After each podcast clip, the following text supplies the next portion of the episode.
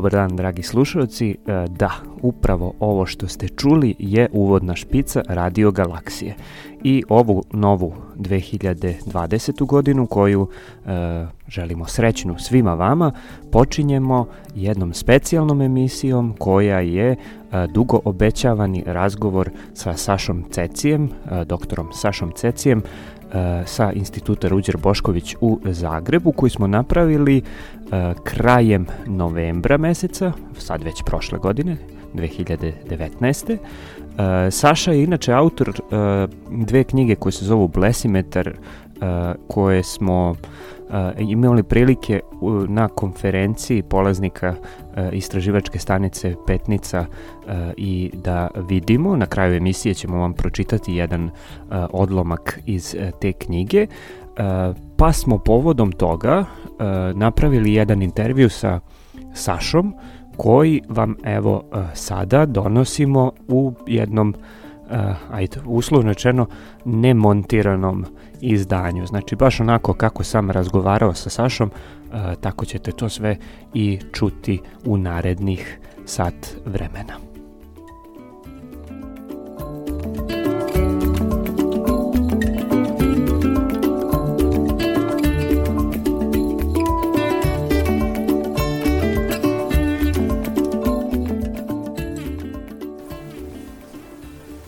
E, ok, tu smo na konferenciji u Petnici i, imamo super priliku da nam je gost e, Saša Ceci, e, fizičar iz Zagreba, koji se dosta bavi popularizacijom nauke. Autor je knjiga koja se zovu Blesimetar, o tome ćemo nešto malo kasnije. I iskoristili smo priliku da malo pročaskamo sa Sašom o tome na koji način treba popularizirati nauku? Koji sve načini postoje eh, eh, za popularizaciju nauke eh, i pre svega ono što je bitno i za našu emisiju, a to je kako da donesemo vesti jednoj široj publici, zašto je to bitno, da li je bitno uopšte i tako dalje. Ćao Saša. Bog, evo, drago mi je da sam ovdje i uživam u konferenciji i drago mi je da možemo razgovarati malo o ovako nekim stvarima šta ti misliš o tome e, na koji način treba izveštavati o vestima iz nauke u našim sredinama? Pa ja mislim da treba biti, ne znam jesi gledao kada Penny Teller, onaj bullshit njihov. E, dakle, to ti je emisija, šta ja znam, to je, zaboravio sam više točno, je li to Showtime bio, nije bio još bio, mislim da je Showtime. Dakle, neka kabelska televizija je uzela dva mađioničara, Penn i Teller, Teller je ovaj koji ne govori, što je interesantno, Penny ovaj koji govori previše, Penn Gillette mislim da se zove tako nešto. I ovaj, oni su radili u Las Vegasu i ono što je interesantno, njih dvojica su na razne načine zapravo učenici od lika koji se zove Amazing Randy, možda se za njega mhm. čuo, ne, to je ono jedan po, najpoznatiji mađioničar i, ovaj, i, i skeptik i borac protiv pseudoznanosti, on je nešto kao Houdini današnjeg vremena, kao što se Houdini borio protiv nekakvih spiritista i raznih tih drugih e, mambo jumbo priča. E, tako se randi zadnjih 20, 30, 40, nemam pojma čak ima 100 godina valjda. Ovo ovaj, već strašno dugo bori, jedna od njegovih fantastičnih stvari je e, to da je ponudio milijun dolara svakom tko donese dokaz za bilo koju od ovih nekih magičnih, pseudoznanstvenih, bilo kakvih priča, od toga da si ono vidio nešto na daljinu, telepatija, telekineza, uh-huh. ono svijanje žlica, Uri Geller, te fore, mhm. sve one, ono što smo čitali u onim ludim časopisima i glavi o nekim ludim emisijama, ovaj, sve to, bilo što od toga da je neko donio njemu, milijon dolara. Do sada još niko nije dobio milion dolara.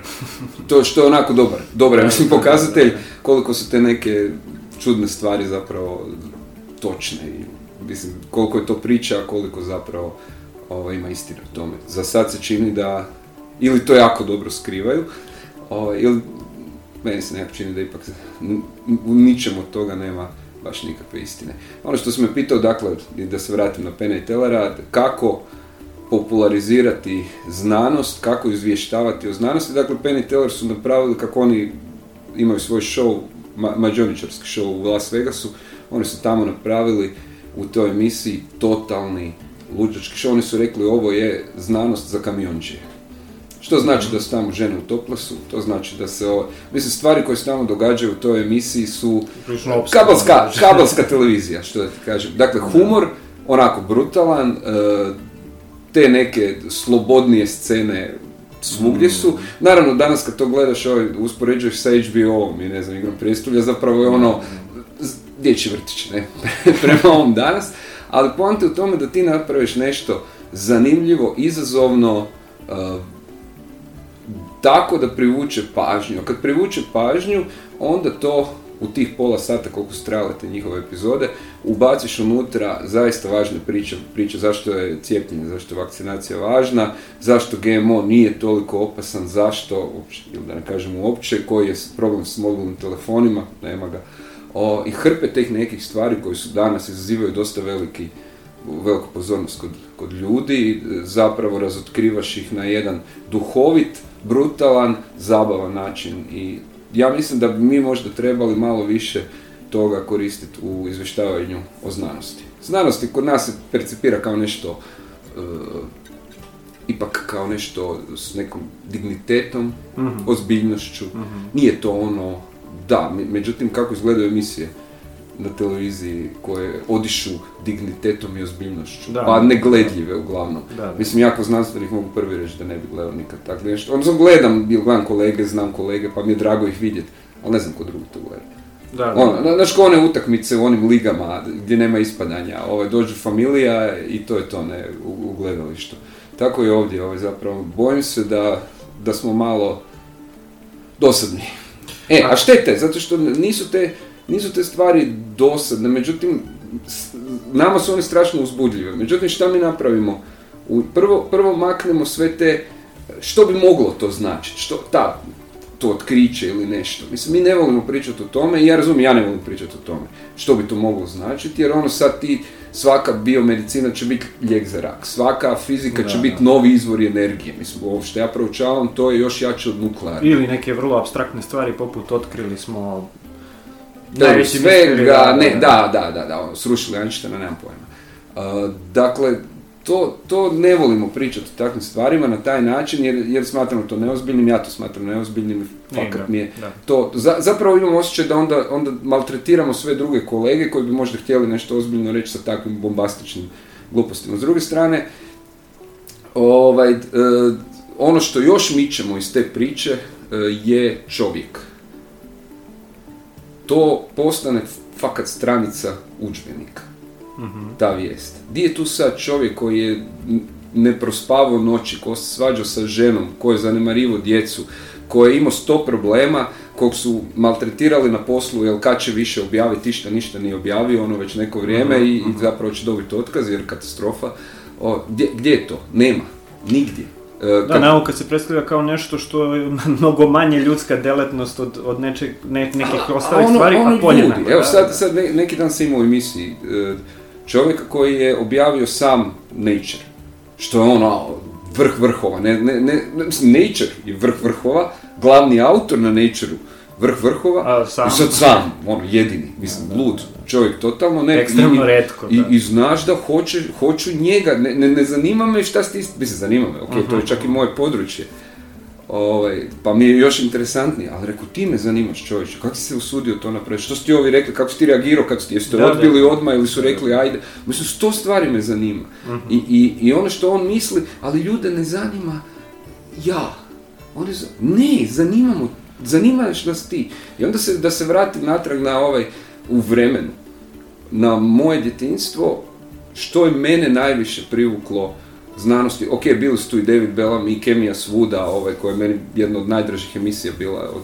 televizije Beograd, u školskom programu, stvarno to sam obožao, mislio sam da ću biti kemičar i nekako su me ovi nastavnici kemije satrli ovaj, u srednjoj školi da, da sam odustao, zapravo jednu smo imali četiri godine i uništilo me, nisam na kraju mogao, ali, ovaj, ali kemiju sam obožavao. I onda ta fizika. Kako mi je ostala fizika? Ostala mi je fizika, sve to nekako maknem, osim tog jednog nastavnika iz osnovne škole koji mi je stvarno bio važan i jako, jako utjecao na mene, to je bio Kozmos Karlo Sadena. 13 mhm. epizoda eh, o, fenomenalne muzike, što klasične, što iz tog vremena, mm fenomenalnih eh, animacija fenomenalnih slika o mogući život na Jupiteru, čovječe, to je ono nevjerojatno. I nevjerojatno vrlo, kako da, on to... abstraktne ideje koje on tako približio, e, da kažemo, običnom čoveku, a ujedno provukao i vrlo ozbiljne koncepcije koje su sve, fizičarske... Sve to što kažeš je apsolutno točno i slažem se s tobom i apsolutno je važno, međutim ono što hoću reći ja tamo, sve to postoji, ali ono što je bilo tamo, a nema nigdje drugdje, to je on. Da, ne on kao Sagan, nego, ili Sagan kako to se danas kaže, ovaj, nego, nego on kao čovjek koji nam priča svoju priču. Mhm. On priča, dakle i ono što ljudi obično zaborave kad gledaju tu seriju, i mi koji smo gledali isto, ova, kako se zva, zapravo zvala serija? Serija se zvala Kozmos. Kozmos ali zvala se Personal Voyage. Personal Voyage, Osobno putovanje. To je njegovo osobno putovanje i on je u svakoj epizodi, on priča svoju priču, on odlazi on Brooklyn i pokazuje ovo su mm. moje ulice, to je bio moj svemir, od ove ulice do ove ulice. On odlazi u, u Birc neki gdje on bio, on odlazi u knjižnicu gdje je pito za knjigu o zvijezdama i ovo mu je dala knjigu o zvijezdama koje su bile filmske zvijezde. Mm, Onda on rekao, mislim, na druge zvijezde. Ove, ovaj, I da, to, to je cijela, to je život. I to, mislim, šta naši ljudi gledaju? Sapunice. Šta imaš u tim sapunicama? Ljude. Pa da. Svačaš, ne, ne, nije bit sad jel ovaj... Kompleksne situacije među, ljudima i, hoću, njihove hoću, situacije. zanimaju me ljudi. Mm. I onda mi u znanosti šta radimo? Maknemo sebe potpuno van, u tom svemu izbacimo sve one dodatne riječi višak, sve ono što nam daje neki kontekst, što nam daje neku zašto je to važno, gdje bi to moglo biti, neće reći primijenjeno, to je onak profano mi zvuči, ali ono, kako to ima veze s ičim? To je e. neka vrsta pozitivističkog pristupa... Joj, um, nemoj mi definicije te, o, ovaj, da, ovaj, filozofije. Znam ja što znači, kažeš, znam, ali, al, kažem, nije, nije, nije to, je, ja isto mislim da je to pozitivizam, isto, i, i da je to loše, ali ne bih htio, ne volim ubacivati to u neku ladicu, jer onda mi dođe neko ja, ko poznaje dobro ladice, onda me udavi s tim, je, a je, ali znaš, nije da, pa rekao, daj ne davi, čovječe, dosadno je, ono. Šta, ko, šta me sad zanima, koji ćeš ti naljepnicu nalijepiti na to? Svačeš, dosadno Nema, nema osobe, nema čovjeka, nema, ne zanima me to. Da, da. Pa zato, zato je storytelling zapravo, sad opet definicija, izvini. Ne, ne, u redu, ovaj- storytelling je nešto što ja jako volim. storytelling zapravo sad, sad, e, jako dobija na značaju i vrlo postaje popularan, jer u celom ovom dobu informacija Storytelling nikad nije prestao biti popularan. A, ali... Samo što smo ga mi zanemarivali, jer kao zašto bi sad ja trebao pričat. Ali sad, mislim da je sad izrazito važan, zato što mnogo informacija imamo, e, gomila je relevantnih i relevantnih. jednostavno je teško uh, odvojiti jasno od nejasnog, bitno od nebitnog. šta je relevantno za, za moj život, šta je relevantno za čovečanstvo, šta je relevantno za planetu i tako dalje.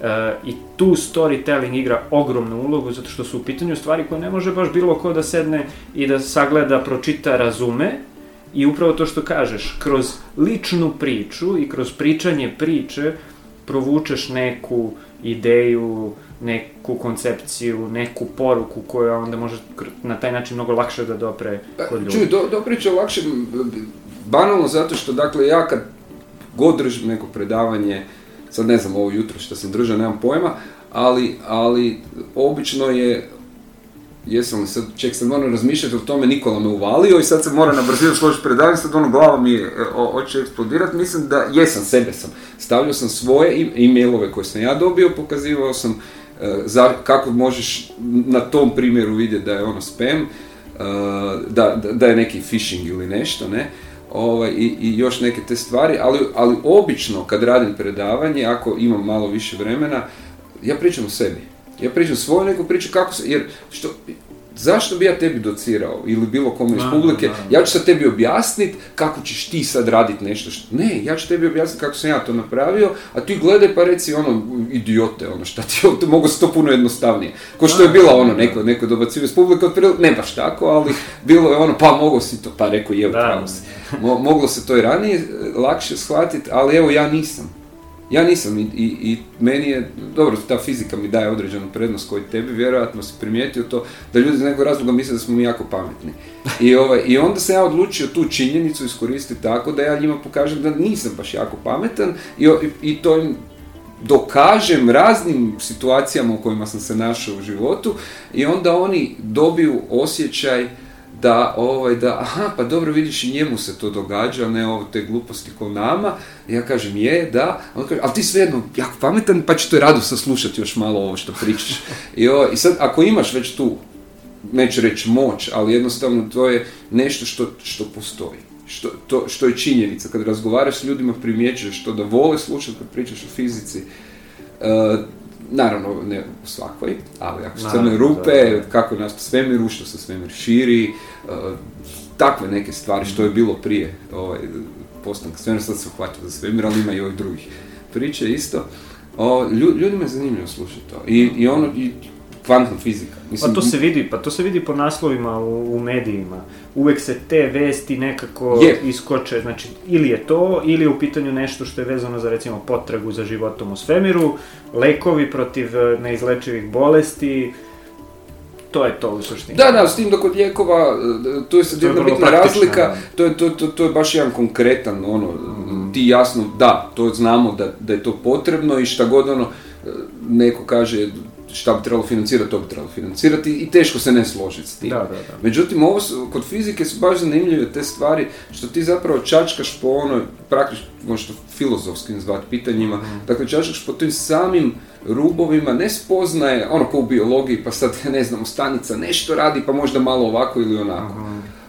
to je biologija je užasno kompleksna i, i meni je, moj da. kolege meni prekrasno da radim na institutu gdje imam i biologije, i kemičare i oceanologe i koješta, Ovaj, I onda svi mi, čuješ milijun takvih nekih prekrasnih priča koje su kod njih, ono što mi gledamo kao fizičari, ono, eh, ono, ako je mekano, ne, ove ovaj, biologija je, ako, je smrdi, ako kemija, ne, i tako, ne.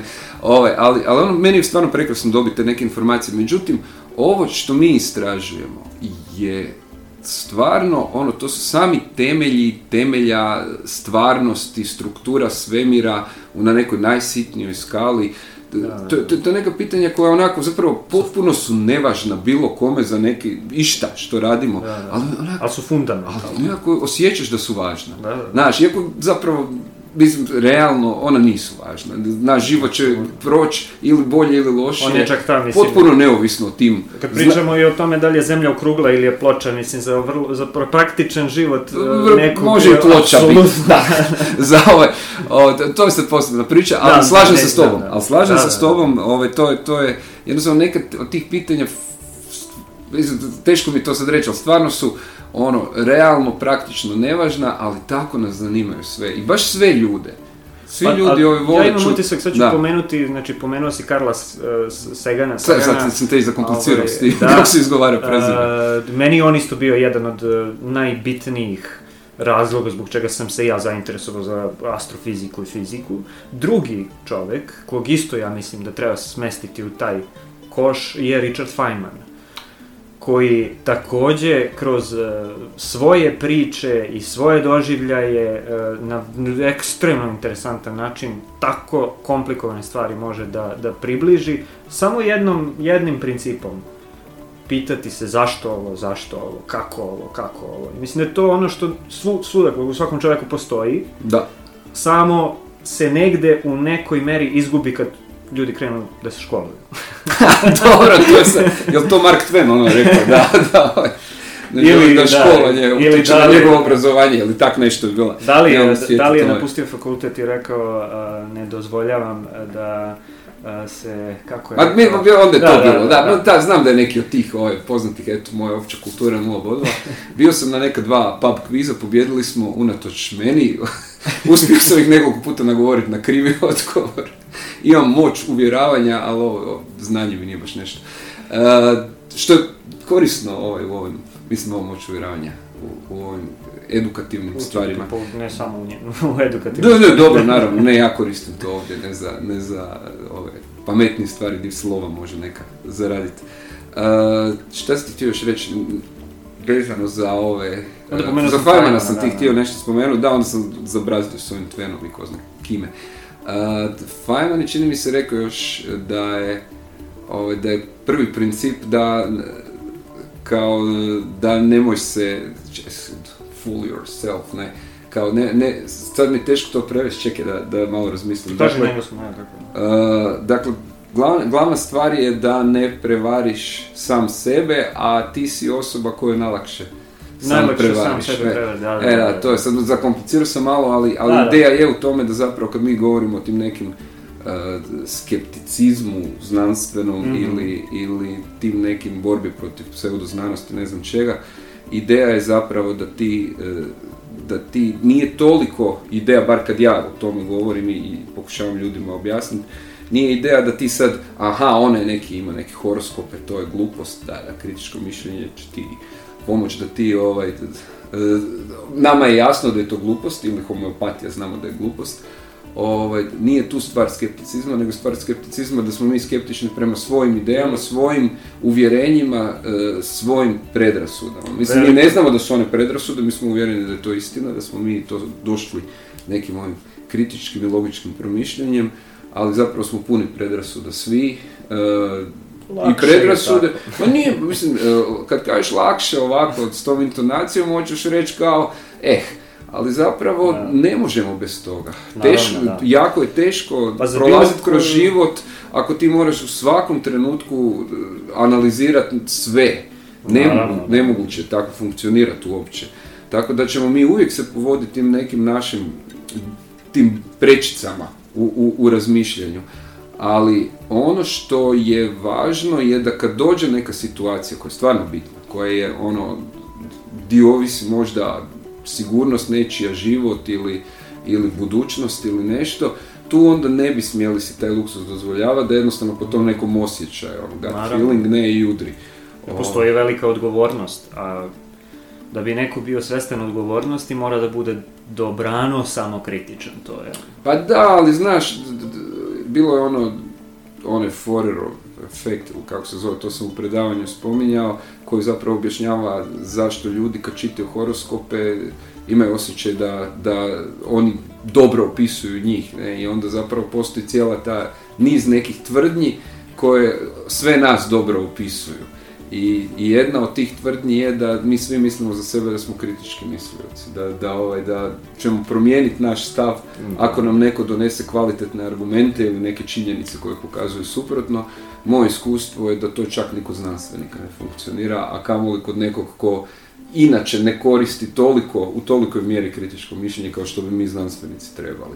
Da, da. E, to je, kad smo već na citatima, ne, ajde, Max Planck, moj omiljeni ovaj citat, njegov je ovaj, da znanost napreduje sprovod po sprovod. Ne?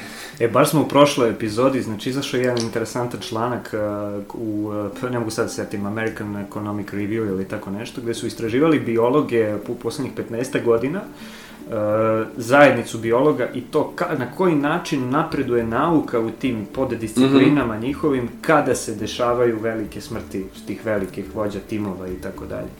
Baci pogled, interesantno. Pazi, mislim, Max Planck je meni strašno zanimljiv zato što kad je Einstein od ono, 905. između onih, ne znam koliko ima, pet radova onih ludih, jedan od njih je bio gdje je on objašnjavao da, da zapravo svjetlost nije val, nego je neke čestice. Da, I, Max Planck je rekao da kad je, ne znam, 11. tak nešto je, primali su Einsteina u, u Prusku tad, on u akademiju mm. znanosti i onda, je, i onda je on rekao kao unatoč tome što ova, ima te neke čudne ideje o tim nekim komadićima svjetlosti, zapravo je to vrlo briljantan mladi ovaj čovjek i mm. dobro će nam koristiti u ove naše zajednice. Dakle, čovjek koji zna da znanost napreduje mm -hmm. sprovod istovremeno ima teško mu je to prihvatiti nikako. Onda imaš Einsteina koji opet nije prihvaćao neke stvari iz kvantne fizike i još fornija stvar je meni ovaj, kako nije prihvaćao postojanje crnih rupa. Dakle, on je, mhm, mhm, mhm. njegova teorija je opća teorija. Znači,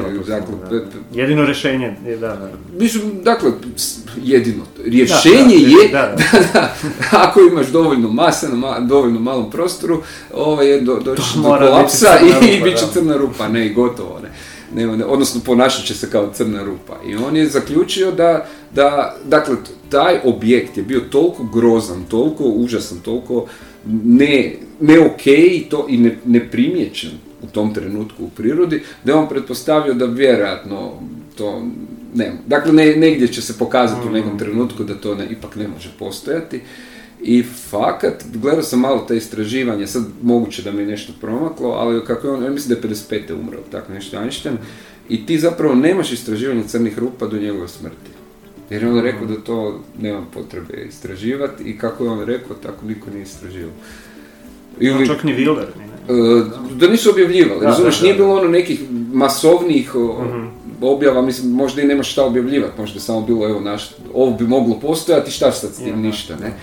Ovaj, ali očekivao bi da možda neko ide pokušati zaključiti ka, što bi se moralo primijetiti, dakle crna rupa je crna, može li se nešto primijetiti, pa onda recimo to, ono, danas znamo da postoji akrecijski disk, ne, mi zapravo taj disk e, gdje su plinovi jako velikom brzinom se sudaraju čestice unutra i tolikom brzinom da zapravo nastaju ovaj x zrake. Tako smo mi zaključili da postoje crne rupe. Ali to hoću reći, znači jednostavno imaš ljude koji, pra, ljude koji su najviše doprinijeli kao Einstein i kvantno i crnim mhm. rupama na neki način kao da oni zaustavljaju to istraživanje do, te, do god su oni aktivni. Ne, ne mora, mhm. može umrijeti, ali dogod je on aktivan. A ja mislim da čak i mora, zato što znam da u našem području je bilo bio čovjek koji je onako kategorički tvrdio nešto, i bio u penziji već 20 godina. Mhm. Ali svi ljudi, Njemac je bio svi ljudi u Njemačkoj koji su bavili tim, oni to rekli. Da, da, da. Znaš, kako ćemo mi sad, moraju ići kod njega doma. I onda, ne, ne znam se ozbiljno tako bilo, ne, onda odu kod njega doma i onda malo su razgovarali uz čaj, onako neka priča, torta i ovaj, i i dalje veli stoji na, na onom svojem, ne, tako da, tako da i njima je bilo malo nelagodno. ima toga, mislim, tako, to, to, to, su neke stvari. na subtilnijim nivoima mnogo koji, da. koji zapravo usputavaju rast znanja. Kad imaš grupu naučnika koja se bavi samo jednom oblašću i samo jednom metodologijom istraživanja. Sad mi samo imamo, mm. ne znam... Če, to ćemo pokazati da je znanost katastrofa, mislim, ne znam što ćemo da, da, zaključiti iz ovog. Ali to, ali mislim, to je, dakle, opet, ko što, ovaj, ko što su ovi moji pobjedili, ne unatoč meni u pub kvizovima, ja mislim da unatoč ovoj zanimljivoj karakteristici nas ljudi i znanstvenika i, i, same znanosti, znanost zapravo jako, jako dobro napreduje. To je ono što je meni interesantno, dakle ja mislim da ne treba skrivati te neobičnosti ove naše, jer ja mislim da bi ljudi, ljudi puno lakše prihvaćali znanost kad bi vidjeli da je ona zapravo toliko ljudska. Znači, zaključak svega ovoga, e, da se vratimo na početno pitanje kako treba izveštavati o nauci, je da treba da pričamo kroz ljudske priče, da pokažemo da je to u stvari ljudska delatnost, da, jel te, svaki čovek greši, ovaj, naročito pri što bi se reklo. U svemu. I ja se slažem, da. Eto. Reci mi za kraj samo, znači, pošto si tu i lepa prilika, hajde pomenemo te knjige koje si pisao. Dobro, Mislim da ovaj- će to biti interesantno našim slušalcima, ne znam da li mogu da ih nađu u Beogradu. A, znaš šta, malo teže ih naći u Beogradu, ovo prvu nikako, jer prodali smo sve i sad izdavač je shvatio da možda ipak ima smisla, jedan, dva izdavača, te prvo i druge knjige, ovaj, ovaj iz prve shvatio da možda bi trebalo dotiskati još, uh ne, tako da možda će biti neka situacija, ovaj drugi, nažalost, ovaj, e, može se naručiti u, u, Srbiji, ali je poštarina je toliko glupo skupa, da je ono užas. Tako da mi smo bili na to, već jednom smo bili na, na turneji, pa vjerojatno ćemo ići opet poslije nove godine. Ako će biti neki interes, e, vrlo rado ćemo doći opet u, neke gradove. E, bili smo u Novom Sadu, bili smo u Beogradu, evo sad u petnici sam donio još par komada ovaj za, za knjižnicu vašu. Eh, od ove druge knjige. Prva knjiga je bila zapravo, o sve što sam pričao manje više je bila neka ta ideja te prve knjige, to je zbirka eseja, 80-ak ih ima, ja mislim. Uh, mislim da je bilo 80. Sad, sad se razmišljam, košta 84 kune, pa nije valjda 84 priče, nije, ali znam da prvih 8, ne, ne mogu sad sjetiti više koja je, dakle 2013. izašlo, zapravo od 2010. do 2012. 2013. sam pisao tekstove skoro svaki tjedan, praktično svaki tjedan. Tu si, e, znači da samo pojasnimo, to si pisao za kolumnu... E, e to, e, nije kolumna, nego blog. Razlika je u tome da kolumna se plaća, blog ne, blog, ne to je ta. Jutarnji list, da. list, da. I još uvijek postoje tamo u arhivi njihove, u principu ako zna neku ključne riječi, napiše Saša Ceci Blesimetar i sad ne znam, homeopatija, iskočit ćemo mm. tekstu homeopatije, na primjer.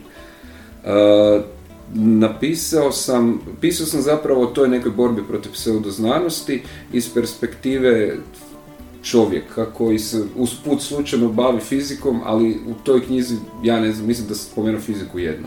Dakle, to su, to su bile zapravo, baš bilo ono neko kritičko mišljenje i takve stvari, ne, ne, i više bilo psihologije, imam strašno puno teksta o psihologiji, o, pokusima o psihologiji i zapravo pokušavam razumjeti zašto smo mi znanstvenici takvi, a onda nekako ni, moji ovi skeptici uvijek mi kažu da sam pre nježan s ljudima, da ne kritiziram dovoljno. Ne znam, ja im uvijek kažem, gle, vidim sve te probleme koje imaju ljudi koji vjeruju u neke te stvari, ja vidim kod nas, znanstvenike. Mhm. Kako sad da ja budem kritičan prema ljudima koji nisu prošli školovanje koji smo mi prošli, niti ta neka iskustva kroz istraživanje i objavljivanje radova, ratovanje s recenzentima, o, ništa od toga nismo prošli, a, a, a eto mi svejedno tu i tamo stvarno znamo zabrazditi. neki od naših su baš ono jako otišli u neke te lude vode. E, i, sad, sad bi ja trebao biti, ne znam kako, kritičan prema nekom čovjeku zato što on misli da možda ipak nismo bili na mjesecu.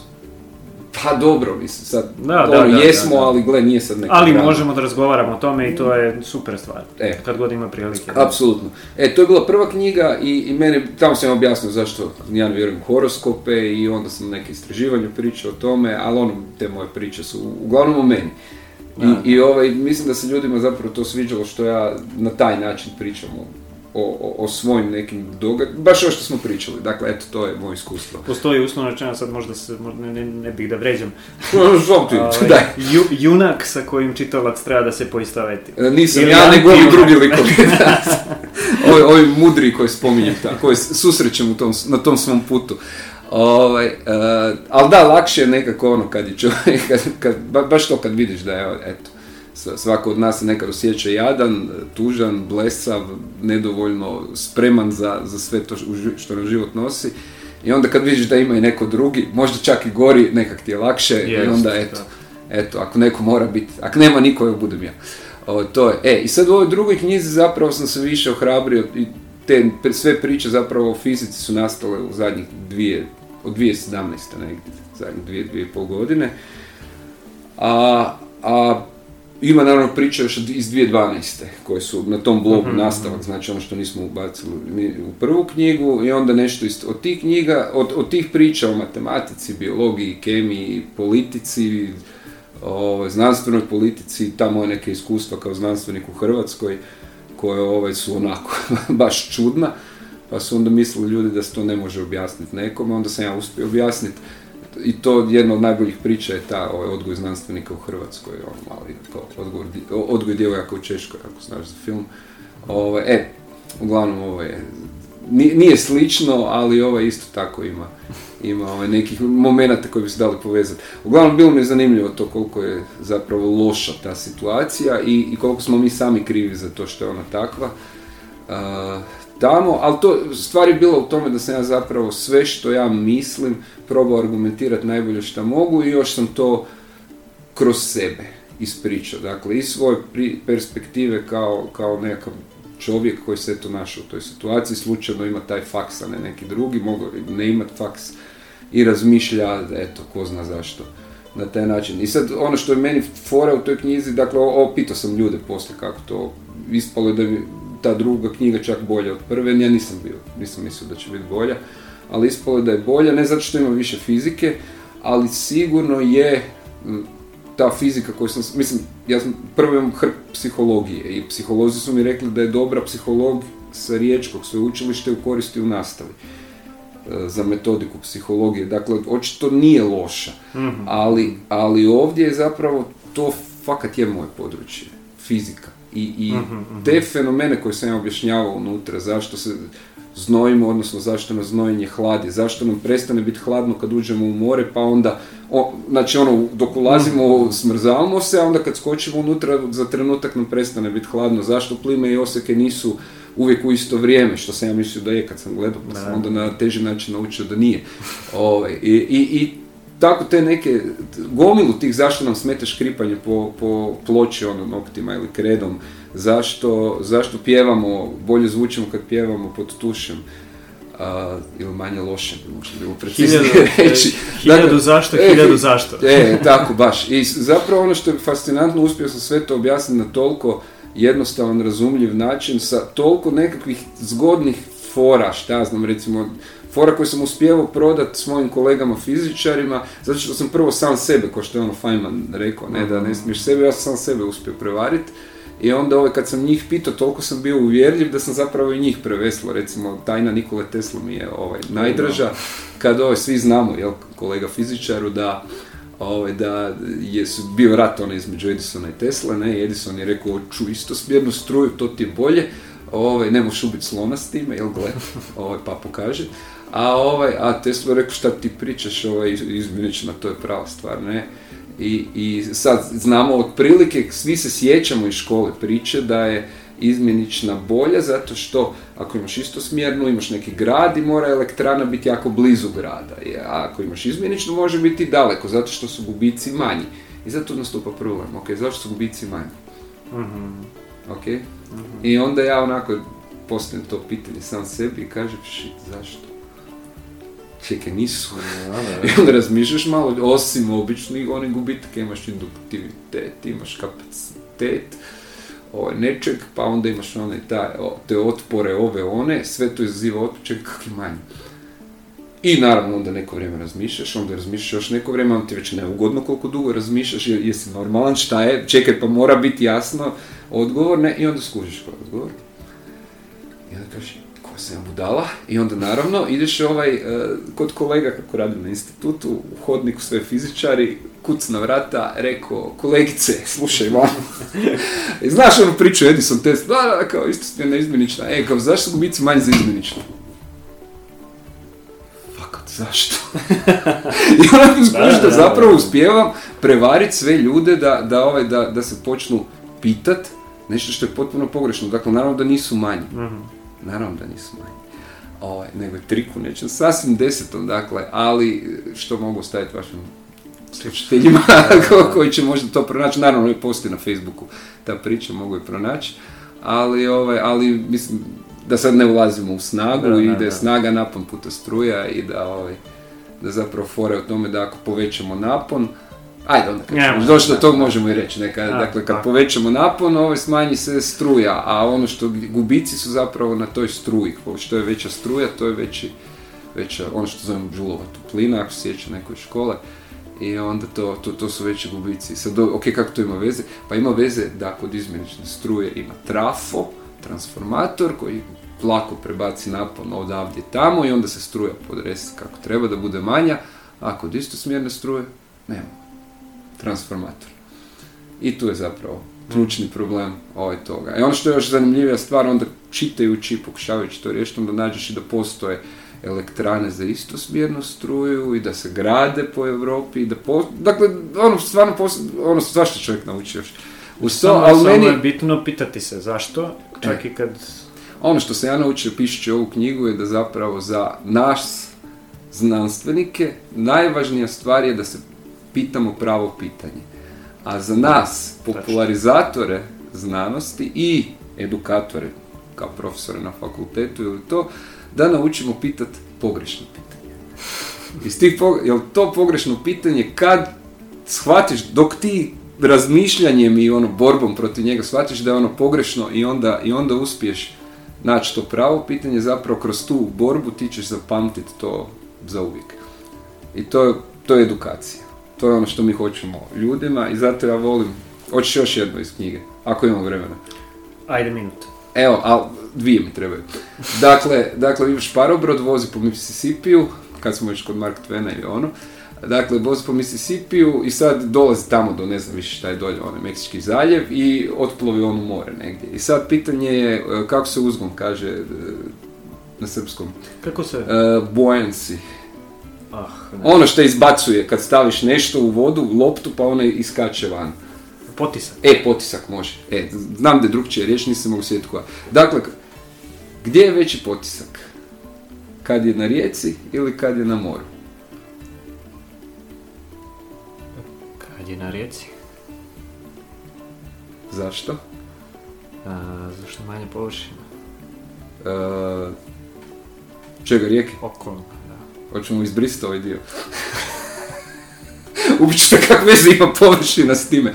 Dakle, ajmo ovako.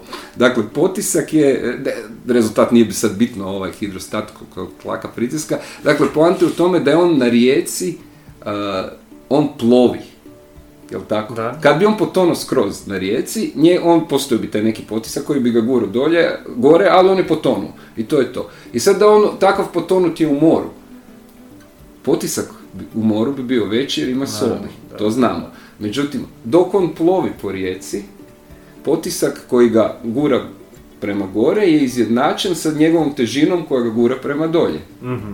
I onda on isplovi na more i potisak koji ga gura prema gore je izjednačen s njegovom težinom koja ga gura prema dolje. Dakle, potisak na rijeci i potisak na moru je isti. To je bilo pitanje na zadatku na natjecanju za fiziča. I kolega meni priča to pitanje i kaže, vidiš, ja kažem, dobro, i sad ako si, s obzirom da si odabro parobrod, a ne jedrenjak, Aha. Dok je došao do mora, potrošio je malo goriva, dakle na moru je potisak manja. manji. Da ko što si ti rekao, ne, ja rekao, ti sam te gađa s nečim, neko zna točno odgovor, ali, je razlog, da, da, E, ali naravno, njegov komentar na to je, onako me gleda, kaže, ko si ti svinja? znam, znam. E, to, to sam ubacio u knjigu zato što mi je relativno jednostavno. Dakle, zadatak je svakoga može razumjeti. Svako, mi smo, kad se uči potisak, to je neka osnovna škola, osnovna. recimo, da, sedmi osmi, oni bi već trebali znati za to.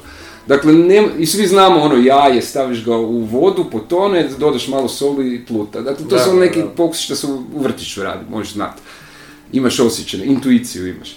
I onda ovaj zadatak rješavaš tom intuicijom i naravno da ćeš ga krivo riješiti. I onda mhm. imaš fizikalnu intuiciju i onda ćeš ga opet krivo riješiti. Mhm, mhm. I onda ovaj pravi odgovor je zapravo, kad uzmeš sve informacije koje su bile dane u zadatku, ovaj, onda dobiš ovaj pravi odgovor. Ali ono što hoću reći, ma nije meni jedan od tih odgovora krivi. I to, to je recimo meni važno kad se radi s djecom, da, da bude jasno, svaki od tih odgovora je u nekom aspektu točan i to treba pohvaliti, a ono što je interesantno da to da zapravo dva put dođeš do, do, do krivog prije nego što dođeš do pravog je zapravo samo to jedno bogatstvo i kompleksnost fizike i razlog zašto u prvoj knjizi nisam imao više fizike, jer jednostavno ja sam se bojao te mm. kompleksnosti da ću nešto zanemariti. Svaka ta stvar, sve što sam ja nešto, zašto ovi koji se sanjkaju, ako je teži, brže će ići. Zašto bi išao brže? Mhm. A, a ide.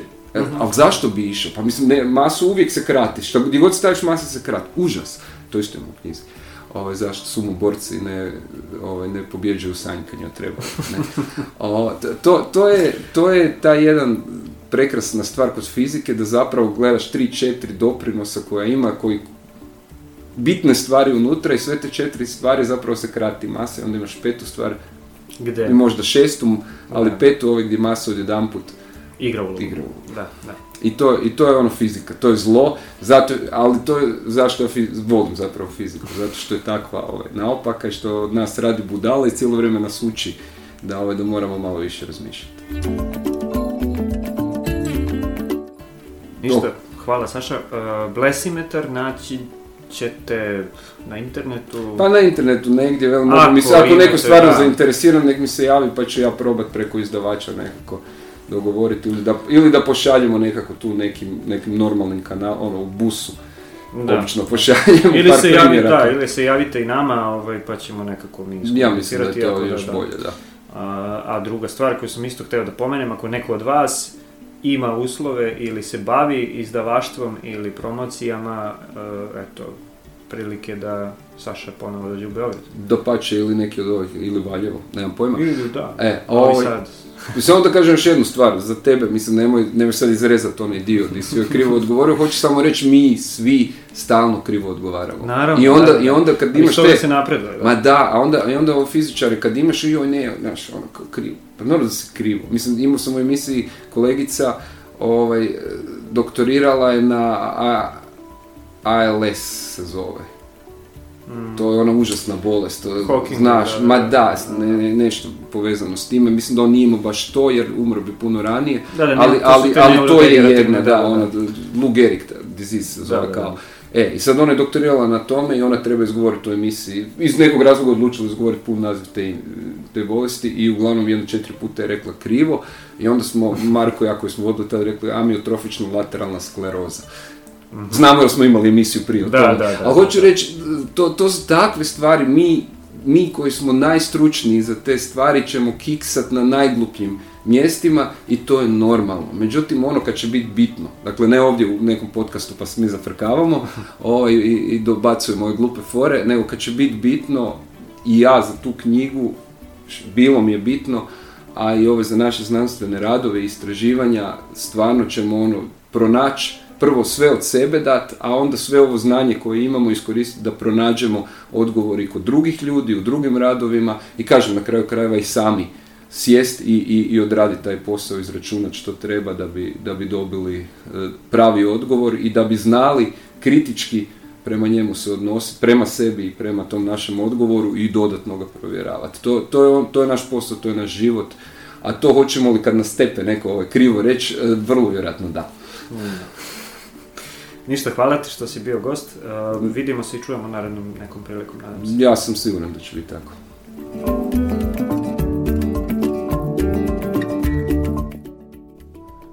Bio je to Saša Cecih sa instituta Ruđer Bošković u Zagrebu, inače radi i e, u Cernu, e, a, mi ćemo za kraj ove epizode da vam pročitamo jedan odlomak iz e, njegove knjige Blesimetar drugi um, vidjet ćete o čemu se radi a ovo je, jel te, na neki način i povratak one naše rubrike Jedan pisac, jedna knjiga, pa da čujemo i tu špicu.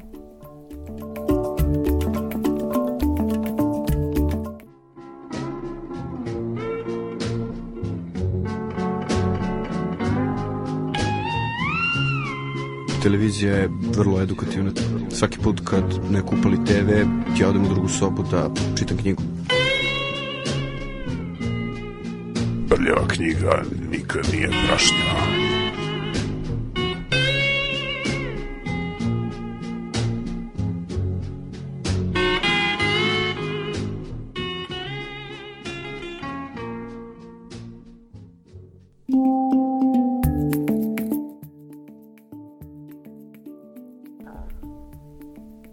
Zašto borci ne pobeđuju u sankanju? Frendica prati zimsku olimpijadu u Pjongjangu, Changu ili kako se to već čita i tijekom natjecanja u sankanju komentator kaže da teži sankaroši e, jure brže od lakših. Trenutak kasnije na mom zidu na fejsu u pola neke diskusije potpuno nevezane za zimske sportove ili regulisanje tjelesne težine, ona ponovi sve ovo i pita da li je to istina i ako je, zašto. E, prirodno se nameće pitanje koje nije postavila. Ako je, zašto onda sumoborci ne dođu na olimpijadu i uzmu im sve medalje? Pritom naravno ne mislim da to naprave tako što da ih presretnu poslije dodjele i podele im čvrge. E, zamislimo padinu prekrivenu ledom, sanjke i gajbu piva. Hoću li s gajbom na sanjkama biti brži? Vuče li me jače gravitacija prema dnu padine ako sam teži? Da, naravno. E, svakome je to jasno jer je lakše zadržati prazne sanjke da ne otkližu ni spadinu nego one na kojima smo i ja i gajba. Čekaj, ko u tom slučaju drži sanjke. Nije stvar samo u tome koliko e, jako me vuče prema dolje, već koliko me to zemljeno privlačenje može ubrzati. Hoće li mi brzina brzo narasti na neku veliku ili ću skroz polagano ubrzavati? Ispada da to ovisi o masi. Što je masa veća, potrebno je i jače povući da bi se gibalo istom brzinom. Svi to znamo. Ako auto neće upaliti, pa ga palim guranjem, i ako bi ga u tom trenutku najradije upalio šibicama, ja i još par dobronamirnih slučajnih prolaznika koje besomučnom facom potaknem da mi priskoče u pomoć, brže ćemo ga pokrenuti ako vozim neki mali automobil, nego ako je to karavan, pun ljudi i s punim gepekom. Pokrenut ćemo i njega, ali će nam ići sporije. To je Isaac Newton, najpoznatiji fizičar svih vremena, osim onih prije nego se rodio, e, tada još nije bio poznat, precizno definirao riječima. Mala moja dajem ti na znanje, sila masi daje ubrzanje. Veća sila daje veće ubrzanje, to nam je nekako logično. No što je veća masa, ubrzanje bude manje. Ovo drugo, ako ništa, barem se rimuje.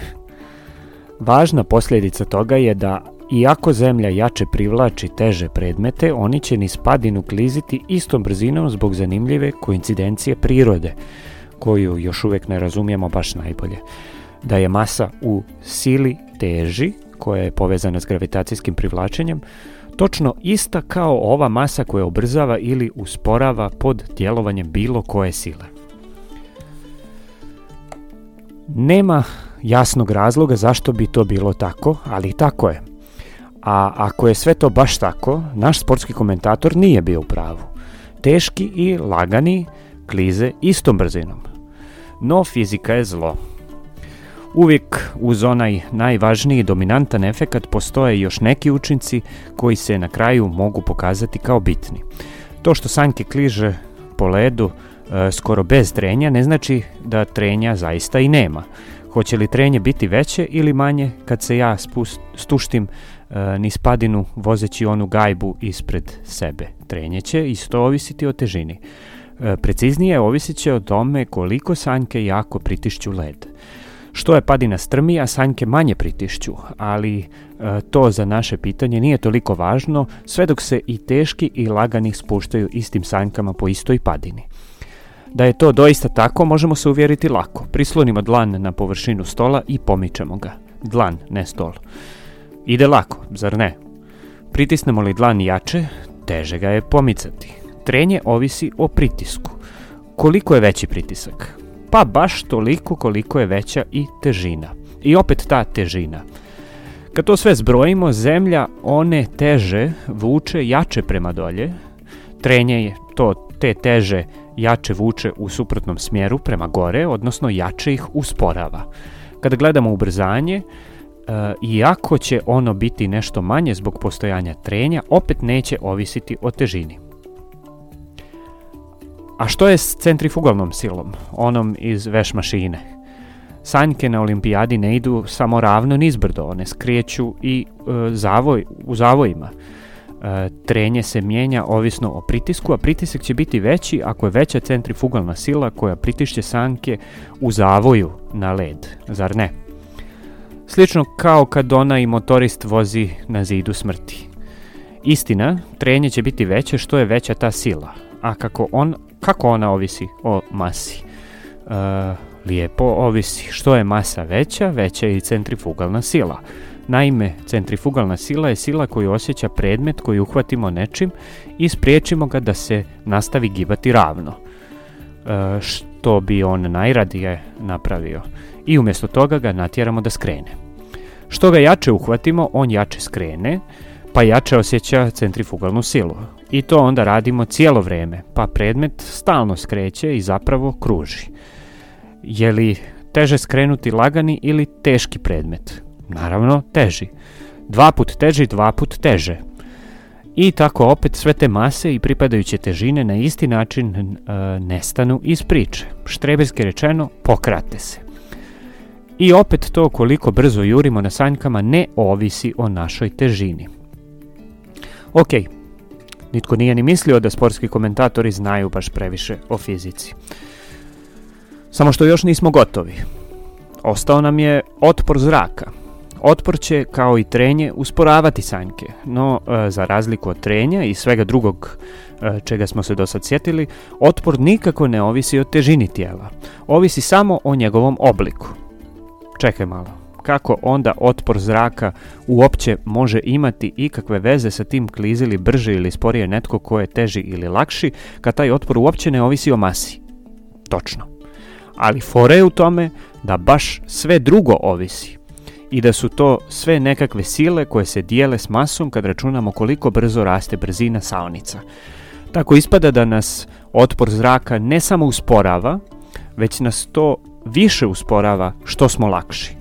Zato kad promatramo čekić i Peru koju istovremeno ispustimo, Peru ne pada sporije jer je otpor zraka veći za njega nego za čekić. Ovisno o obliku čekića i pera, otpor može biti i puno manji za pero, ali će čekić svejedno padati puno brže. Stvari u tome da čekić pada brže jer je puno teži od pera, pa je utjecaj otpora zraka na njega puno manji i puno manje ga usporava. I nije tu samo stvar otpora zraka, iako je to fora s otporom važna, e, jer težimo e, jer, jer teže mu stalno pribraja malu prednost tijekom cele utrke. Uz to, naš sankaš E, može napraviti sitnu grešku, zahvatiti dijelom tela ili saonica stazu tako da malo zastružu. U tom slučaju izgubit će malo na brzini, no tu je stvar da ne gubi brzinu kao brzinu, već zbog struganja izgubi energiju, a to je bitna razlika. E, energija je za one koji se ne sjećaju iz škole sposobnost tijela da napravi štetu. Energija koju tako izgubi onaj spori i lagani bude podjednaka onoj koju izgubi onaj brži i teški ako u tim sudarima i struganjima naprave otprilike istu štetu. A podjednaka izgubljena energija znači da će gubitak slabije osjetiti onaj koji je ranije imao više energije, bilo zbog veće brzine, bilo zbog veće mase. Tako je, na kraju balade, naš sportski komentator ipak bio u pravu. No, ako je čovjek i bio u pravu, ostaje nam odgovoriti zašto se onda sumoborci ili neki iz njihove kategorije ne natječu u i pobeđuju u raznim zimskim sportovima. Zato što su u mnogim od tih disciplina odavno skužili to da teži sportaš ima veliku prednost. Čak je postojala izreka da je sanjkanje, mislim da je to bilo rečeno za Bob, e, jedini sport u kom sportaš trenira tako da diže pivo sa stola. Tako sam i ja krenuo trenirati s onom gajbom. Nažalost, za moj plan treninga sportski sanjkaški savezi su prije dosta vremena uveli maksimalnu tjelesnu težinu. Ukupna masa svega čovjek sanjke gajba ne smije preći 115 kila. A ništa, sanjkanje ću nastaviti trenirati rekreativno. Vremenska prognoza je, kažu, dobra. Ali ako i ne bude snijega, piva će uvijek biti.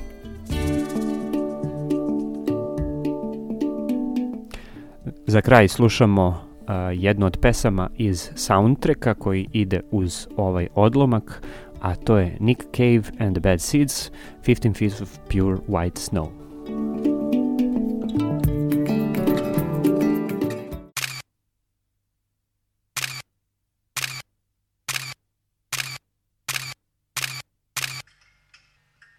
Where is Mona? She's long Whereas marriage has taken her along. But they haven't put their mittens on, and there's 50.